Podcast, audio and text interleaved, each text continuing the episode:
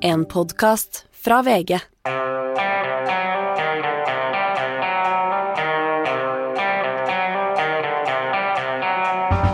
Ikke visste jeg at alle disse dagene som kom og gikk, de var selve uke ti. Tredje uke med krig, Hanne.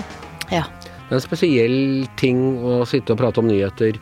Eh, og diskutere nyheter på morgenmøtene som vi holder på og sånne ting, i en sånn situasjon. For det er også et sånt I begynnelsen snakker du bare krigen. Så begynner du å snakke om andre ting.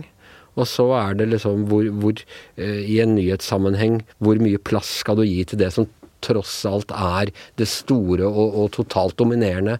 Eh, Men når du ser aviser fra, fra aprildagene 1940 og sånne ting, også, så ser du at det står liksom om eh, landbrukspriser og, og en god del andre ting også. ja.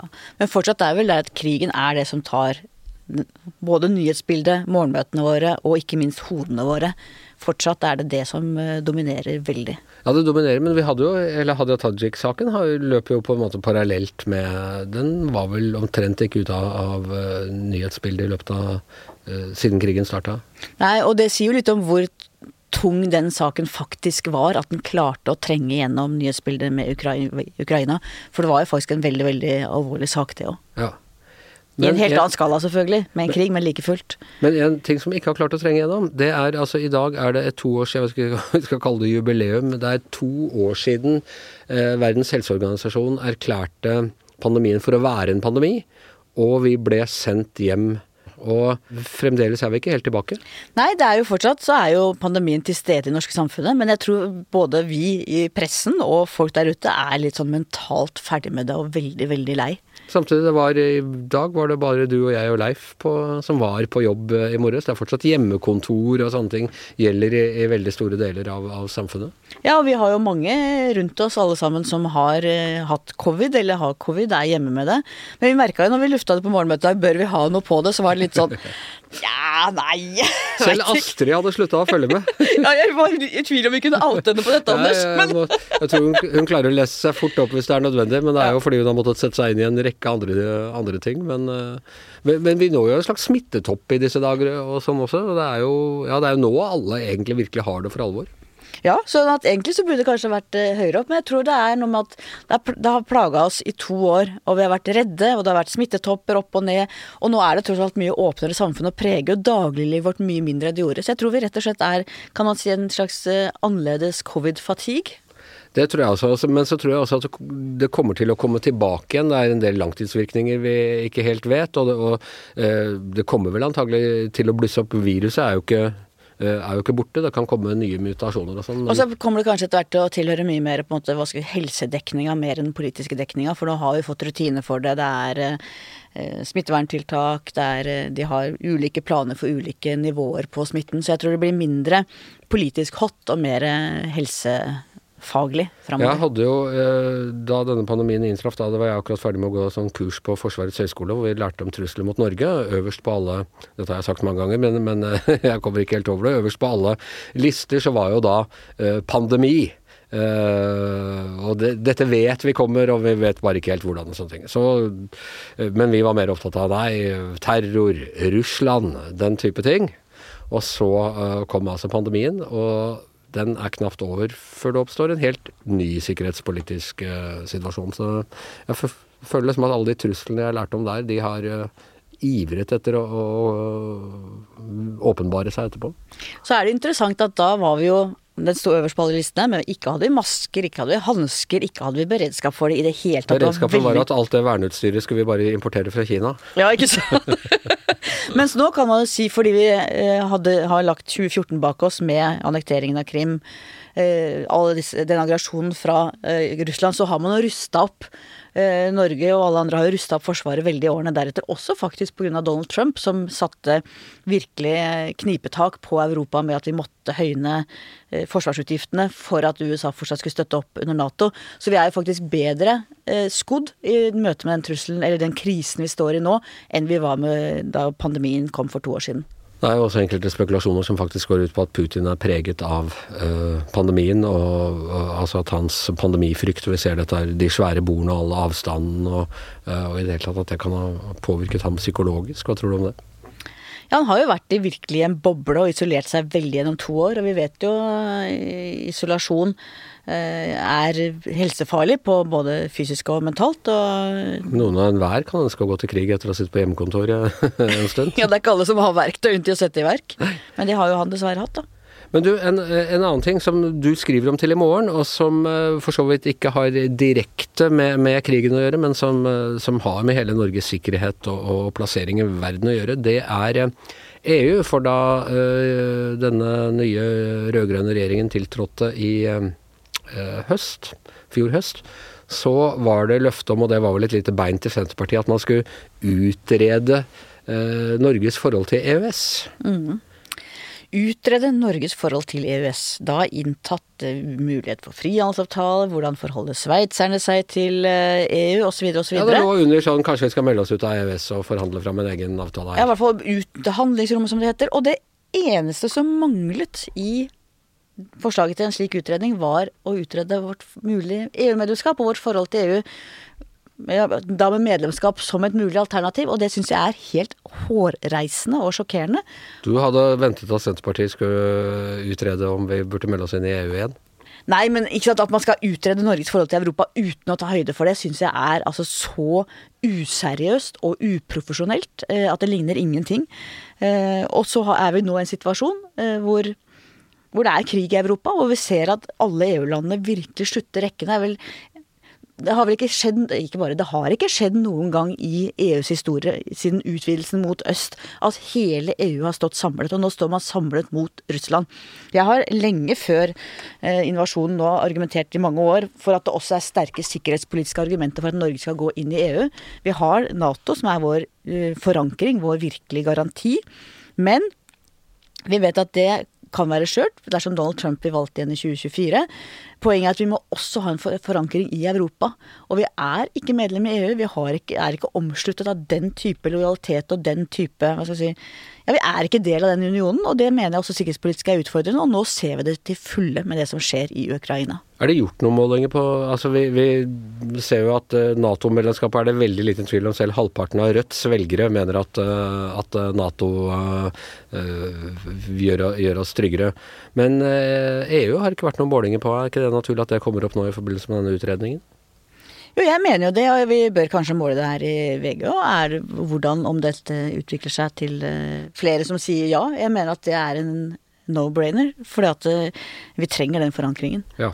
Men det mener du, og det mener kanskje jeg, men eh, det mener ikke det norske folk. Altså å få det norske folk til å snu i den EU-saken, det tror jeg bare vi må innse er en tapt sak, eh, Hanne. Og det er ikke noe lettere når Arbeiderpartiet sitter i regjering sammen med Senterpartiet i denne situasjonen. Nå ser vi jo eh, Emilie Enger Mehl og andre stater som snakker om eh, samarbeidet tett med Europa, f.eks. i flyktningkrisen. Vi må jo håpe at de får litt sånn voksenopplæring og ser at det faktisk er noen fordeler med å samarbeide med Europa. Men Arbeiderpartiet har jo tatt ut av sitt program at de er for EU-medlemskap. Det syns jeg også er helt sjokkerende at de kunne komme på. Det er mye vanskeligere å få det inn igjen enn å, hvis vi hadde bare latt det bli stående nå.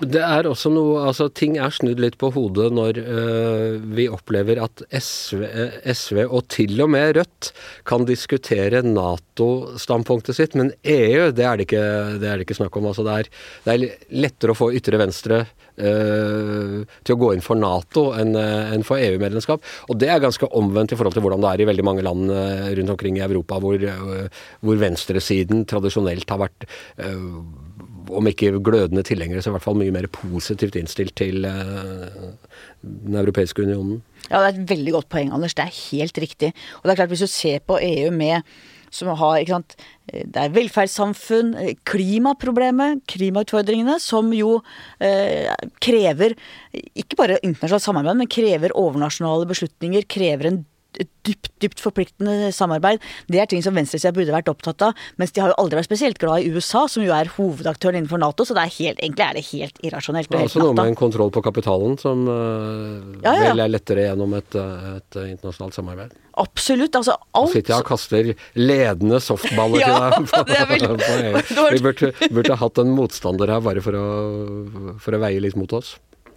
Ja, holdt jeg på å si det skal ikke finnes EU-motstandere i VG, men selvfølgelig skal det finnes EU-motstandere i VG òg. Ja ja, selv på. A-velger, ja-velger. Det var det, noe av det fatale Arbeiderpartiet, Arbeiderpartiet gjorde. selv. Nei, men helt seriøst, Anders, så må jeg si at jeg er eh, bekymra over at vi ikke eh, er med i EU, at vi ikke har en ordentlig EU-debatt i Norge i den situasjonen vi står i nå. Hva tror du kommer ut av denne utredningen? Ja, Det tror jeg bare blir bladdy, Ja, ja, bladdi, ja, blæ. ikke bare sånn bladdy, bladdy, blæ. Hva, hva tror du kommer ut av den, saklig sett? Saklig sett, eh, hvis de, som jeg håper de selvfølgelig setter inn seriøse, skikkelige folk der, så må det i hvert fall være at EØS-avtalen tjener Norge veldig, veldig godt. At den må vi videreutvikle, og selvfølgelig utnytte handlingsrommet som finnes i den. Men at eh, man i hvert fall ikke skal sette den i fare, selv om Senterpartiet sitter i regjering nå. Nei. Tror du det hadde vært større sjanse for at det skjedde hvis det ikke var for eh, den krigen som nå har oppstått, som gjør at folk blir litt mer opptatt av eh, internasjonalt samarbeid og stå sammen med andre land og, og sikkerhetspolitisk trygghet og sånn? At EØS-avtalen hadde vært mer i fare? Ja, for det var, gikk veldig mye nå på strøm og ACER, og øh, vi, vi kommer ikke godt ut av dette her og i det hele tatt. Jeg velger jo å tro, Anders, at med en Arbeiderparti-ledet regjering, så ville man ikke gjort noe for å sette denne EØS-avtalen i fare. Det ville virkelig overraske meg. Da hadde, man, da hadde Arbeiderpartiet mistet alt som var av sjel og troverdighet og ja, det, kjernen i det det partiet står for. Så, som Gro Harlem Brundtland sa veldig, veldig, veldig, veldig mange ganger under hele EØS-diskusjonen, EØS-sporet ligger fast. Ja! Vi skal fortsette å snakke litt mer om, eh, om eh, sikkerhetspolitikken og, og om eh, krigen. For i går så var jeg så heldig å få besøk av eh, sjef for Forsvarets etterretningstjeneste, Nils Andreas Stensønes. Velkommen tilbake, får vi nesten si. Ja, tusen takk. Hyggelig å være her. Du, eh, øh, hvor lenge har øh, dere i Forsvaret vært klar over, for jeg ser at man, man, man sier nå at man har vært klar over at øh, Russland antagelig kom til å angripe. Og, og hvor lenge var man det? Ja, Det visste vi, eh, eller fikk de første indikasjonene tidlig i fjor høst, eh, hvor vi begynte å se indikasjonene og intensjonene.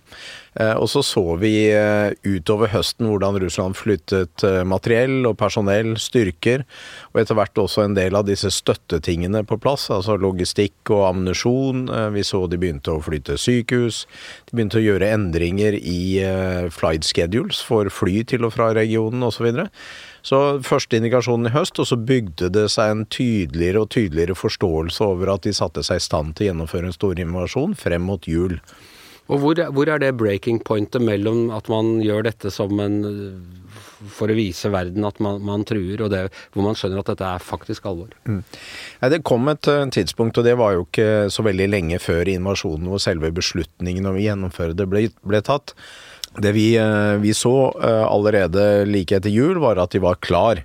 Eh, og så Da var det egentlig to muligheter. Det ene var at det var ment som et tvangsdiplomati. Altså man truer med bruk av makt for å få oppnå diplomatiske løsninger. Eh, og hvis man da ikke nådde de resultatene, at man da kunne gjennomføre en mindre eller en større invasjon. Og så ble det jo egentlig den, det verste scenarioet vi så for oss. Altså det predikerte en stor invasjon. For selv en god del av de som sier at de, de, de regnet med at dette kunne skje, mente jo at de var overrasket da det endelig skjedde for, for to uker siden. Men dere var ikke overrasket da?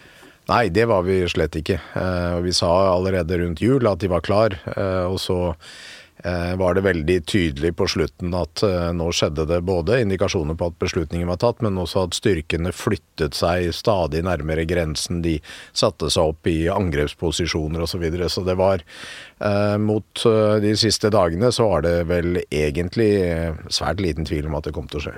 Det var jo amerikanerne som var mest eh, skråsikre i, i forkant. Og eh, i en sånn situasjon, eh, som gjelder da altså vi er Nato-land, vi er naboland til Russland, og hvor tett jobber etterretningen da med amerikanerne? Ja, vi jobber tett med allierte og våre partnere, eh, amerikanere og andre i, i Nato og, og våre naboer. Og det vi gjør er at vi deler informasjon. Eh, Vi henter inn, og så deler vi eh, den informasjonen med de partnerne som vi stoler på og som vi har gode forhold til, og så deler de med oss. Og på den måten så får vi en mye bedre situasjonsforståelse. Um, og så gjør vi i tillegg, når vi da har fått best mulig forståelse, så gjør vi våre egne nasjonale vurderinger. Og så prøver vi alltid å kvalitetssikre de hvor vi diskuterer våre slutninger med våre partnere. Og da velger vi alltid et utvalg, og et representativt utvalg, for å sikre at vi får egentlig kvalitetssikret uh, våre vurderinger. Og så gjør vi til slutt gjør vi sånn helt nasjonale E-tjenestens egne vurderinger, som vi da presenterer til våre politikere. Men det er da en, en resultat av en litt sånn lang jobb med å samle inn informasjon og kvalitetssikre de vurderingene som gjøres.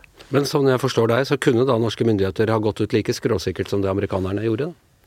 Ja, altså Vi presenterer jo samme informasjon og våre beslutninger. Eh, og så er spørsmålet om det er norske myndigheter som skal gjøre eller ikke. Det tror jeg du får overlate til, til våre politikere å, å, spørre.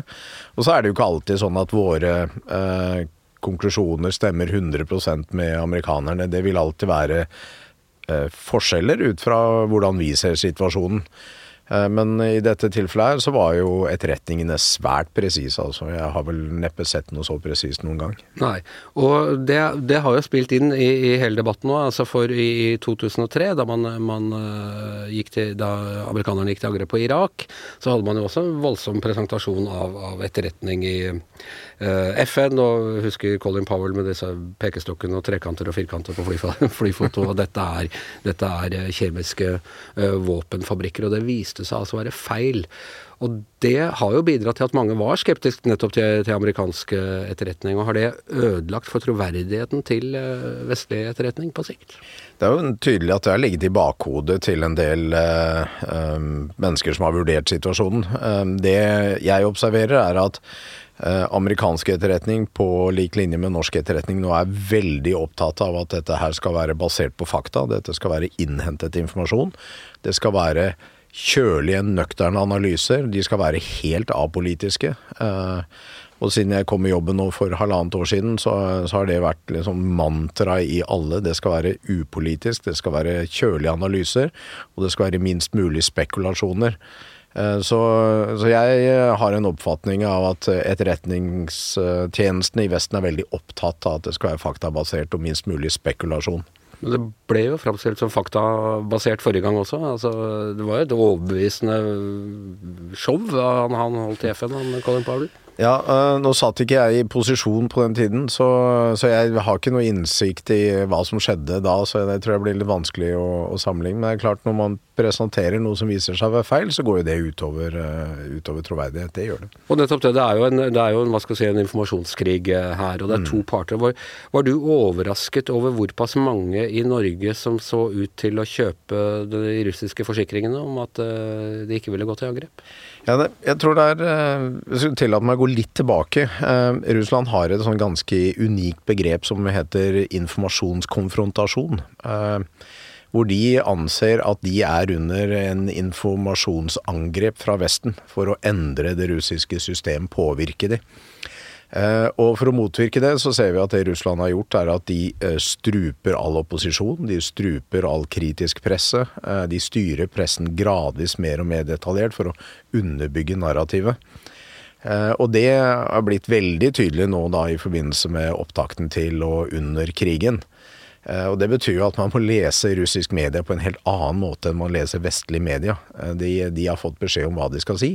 Eh, eller de er opptatt av å gjøre, altså fremstille situasjonen sånn at det tilfredsstiller Putin og Putins styresett. Så det, jeg tror det er viktig å lese det mediebildet og den informasjonen på en helt annen måte enn vi kan gjøre med vestlig presse som er fri og uavhengig. Men uh, har vi vært gode nok til å lese det, til å forstå? Uh, når det har vært såpass mange som at, går ut og sier at ja, men russerne er helt tydelige på at de vil ikke, vil ikke angripe? Der, der tror jeg nok mange ble overrasket nok en gang over at de ikke, står ikke tilbake for en blank løgn.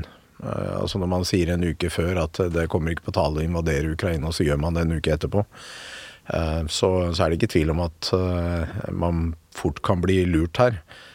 så jeg tror det er, litt av grunnen til at vi omtaler dette her også i Fokusrapporten i år. Det er for at vi skal være klar over hvordan mediebildet er. Eh, og så har vi sett en del eksempler hvor man prøver å plassere eh, noen spissede budskap i litt mer perifere russiske medier, i håp om at det blir plukket opp i Vesten.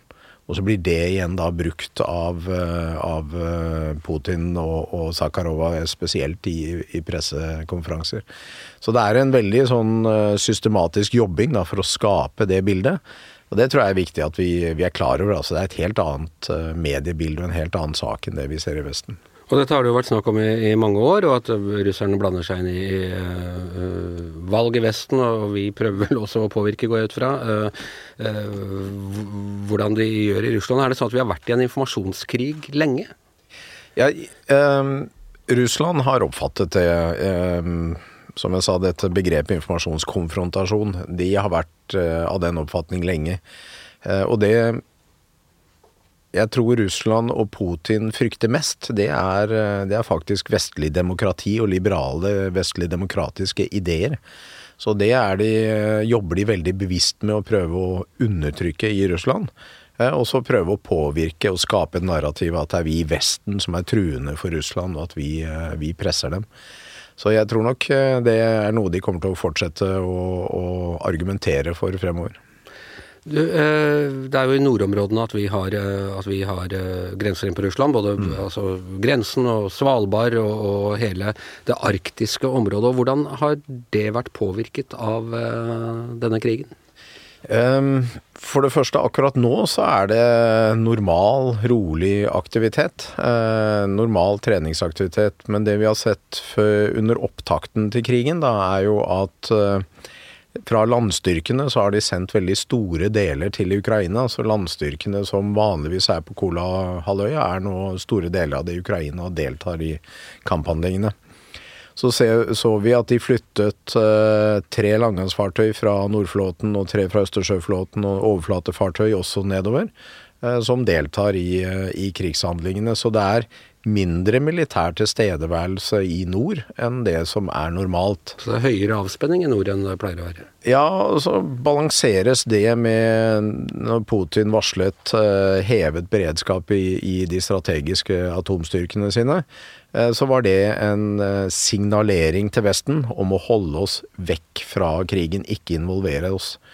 Og Det så vi også noen få dager før krigen, så gjennomførte de den årlige øvelsen for de strategiske avskrekkingsstyrkene, hvor de skyter interkontinentale ballistiske missiler fra Barentshavet til eh, Kamtsjatka, altså ved Stillehavskysten, og motsatt vei, pluss at de skyter en del av disse kryssemissilene osv., som var en del av den avskrekningssaken.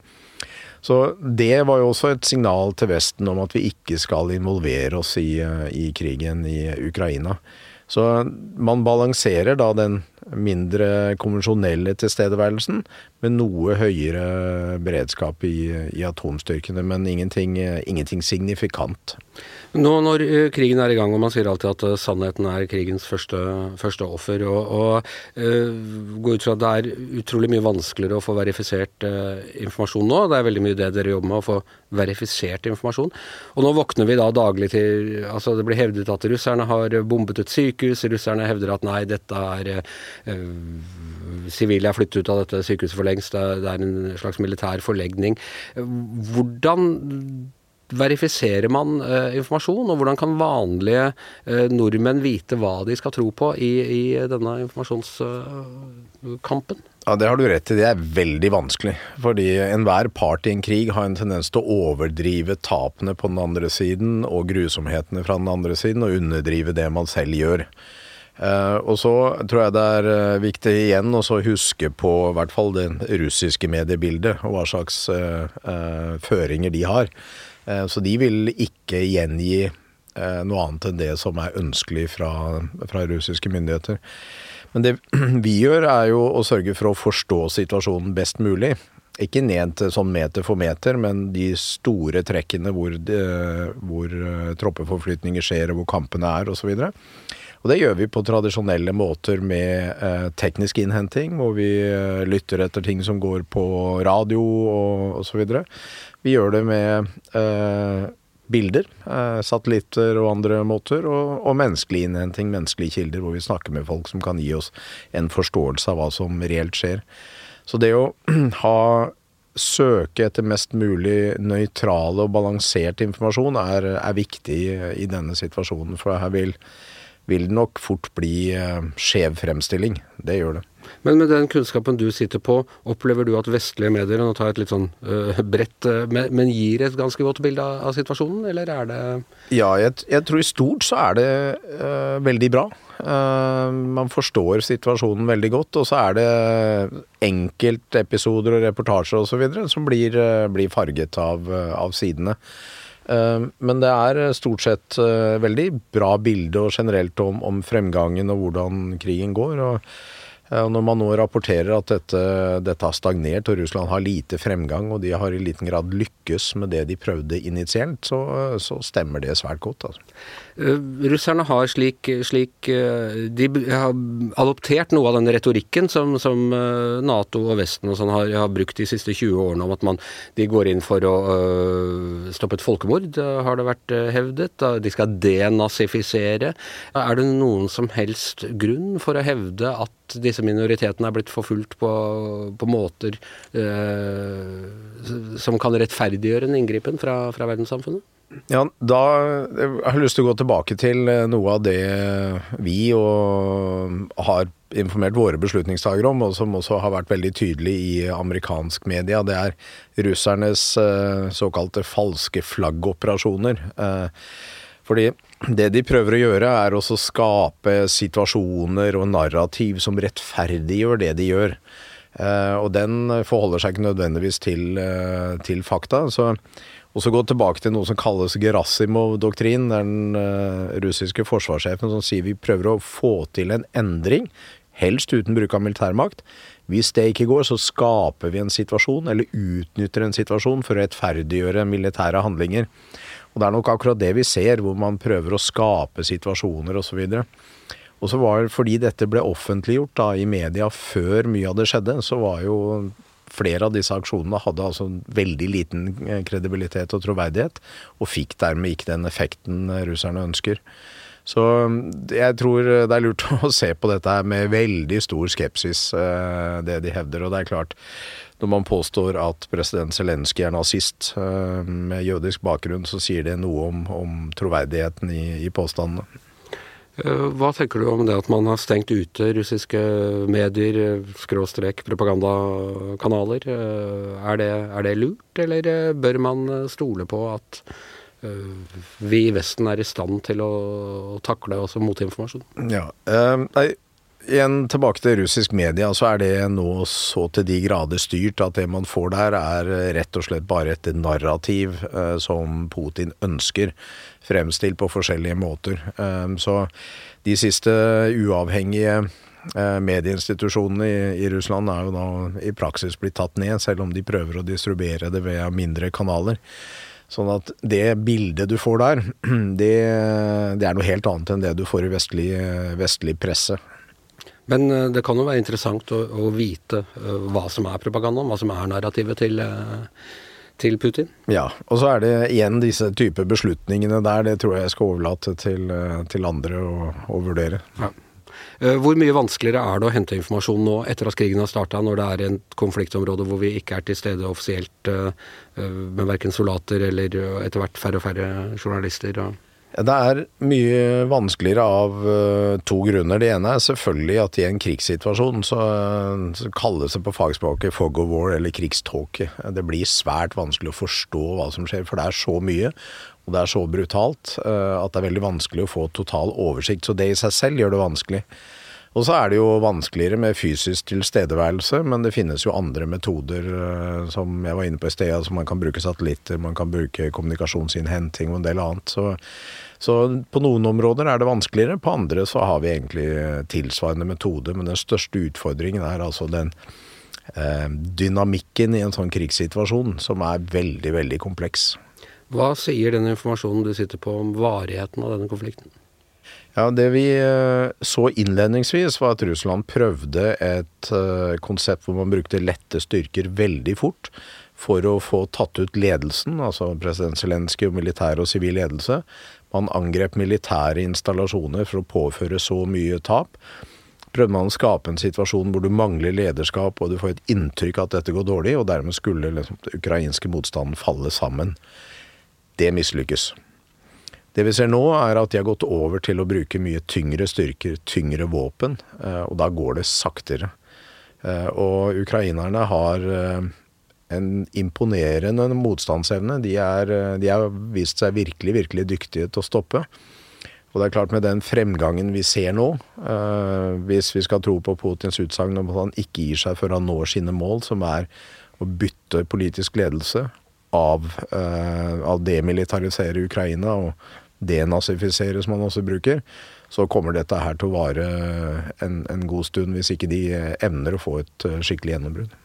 Så Zelenskyj er et militært mål for russerne? De ønsker å ta ham ut, som det heter på militært fagspråk? Ja, det, det, har de jo sagt åpent. Eh, så er det litt blandede signaler, hvor man noen ganger sier unnlater å gjøre det. Men eh, det er nok vår vurdering at han er et, et aktuelt mål i en militær operasjon, hvis du kan ta vekk ledelsen og evnen til å lede, så blir det så veldig mye enklere. enn Da, for det første så vil styrkene Du vil ikke klare å koordinere, du klarer ikke å holde oppe moralen. Eh, og Zelenskyj har gjort en fantastisk jobb med å galvanisere moral og motstandsvilje i, eh, i Ukraina. Er det noen militær løsning på denne konflikten, eller må den finnes diplomatisk? Det, det er alltid best med en diplomatisk løsning. Militære løsninger, det koster liv. Uh, og så er vi veldig usikre på fremgangen i de samtalene som er nå. Så langt så har vi ikke sett at det har hatt noe innvirkning på den militære konflikten. Men ofte er det slik at når den militære situasjonen blir veldig tydelig hvor det går, så finner man en diplomatisk løsning. Så det er nok ikke et enten-eller. Jeg tror nok det vil være et samspill her hvor uh, situasjonen på bakken vil diktere hva som er mulig å få til diplomatisk. Takk skal du ha. Bare hyggelig. Og da går vi inn i helgen. Hanna, har du noen eh, hyggelige planer, eller skal du bare fordype deg i uh, sikkerhetspolitisk dystopi? Uh, nei, jeg skal faktisk på Linn Skåber sin forestilling i morgen. Sammen, ja, sammen med gamle barndomsvenninner fra Manglerud. Ja. Uh, det gleder jeg meg veldig til. Vi skal spise middag først, og så skal vi på teater. Ja. Dagligliv under krigen, dette her. ja. Og du? Du, jeg skal ut og benytte meg av uh, en uh, gave jeg fikk til uh, mitt runde år i fjor høst fra vår felles venn Kristin, vet du, blant annet. Ja, ja, ja. og det er middag på en finere Oslo-restaurant. Så den har vi gleda oss lenge til. Har måttet utsette mange ganger pga. alle pandemi, pandemigreiene og sånn. Så. Også deilig. Så det ble kjempebra. Og med det så ønsker vi alle våre lyttere en, eh, en eh, god helg. Giæver og gjengen er over for denne uka. Tusen takk til Nils Andreas Tjensenes. Tusen takk til Hanne Skartvedt. Jeg heter uh, Anders Giæver. Og vår sikkerhetspolitiske garantist er som vanlig produsent Magne Antonsen. Du har hørt en podkast fra VG. Ansvarlig redaktør, Gard Steiro.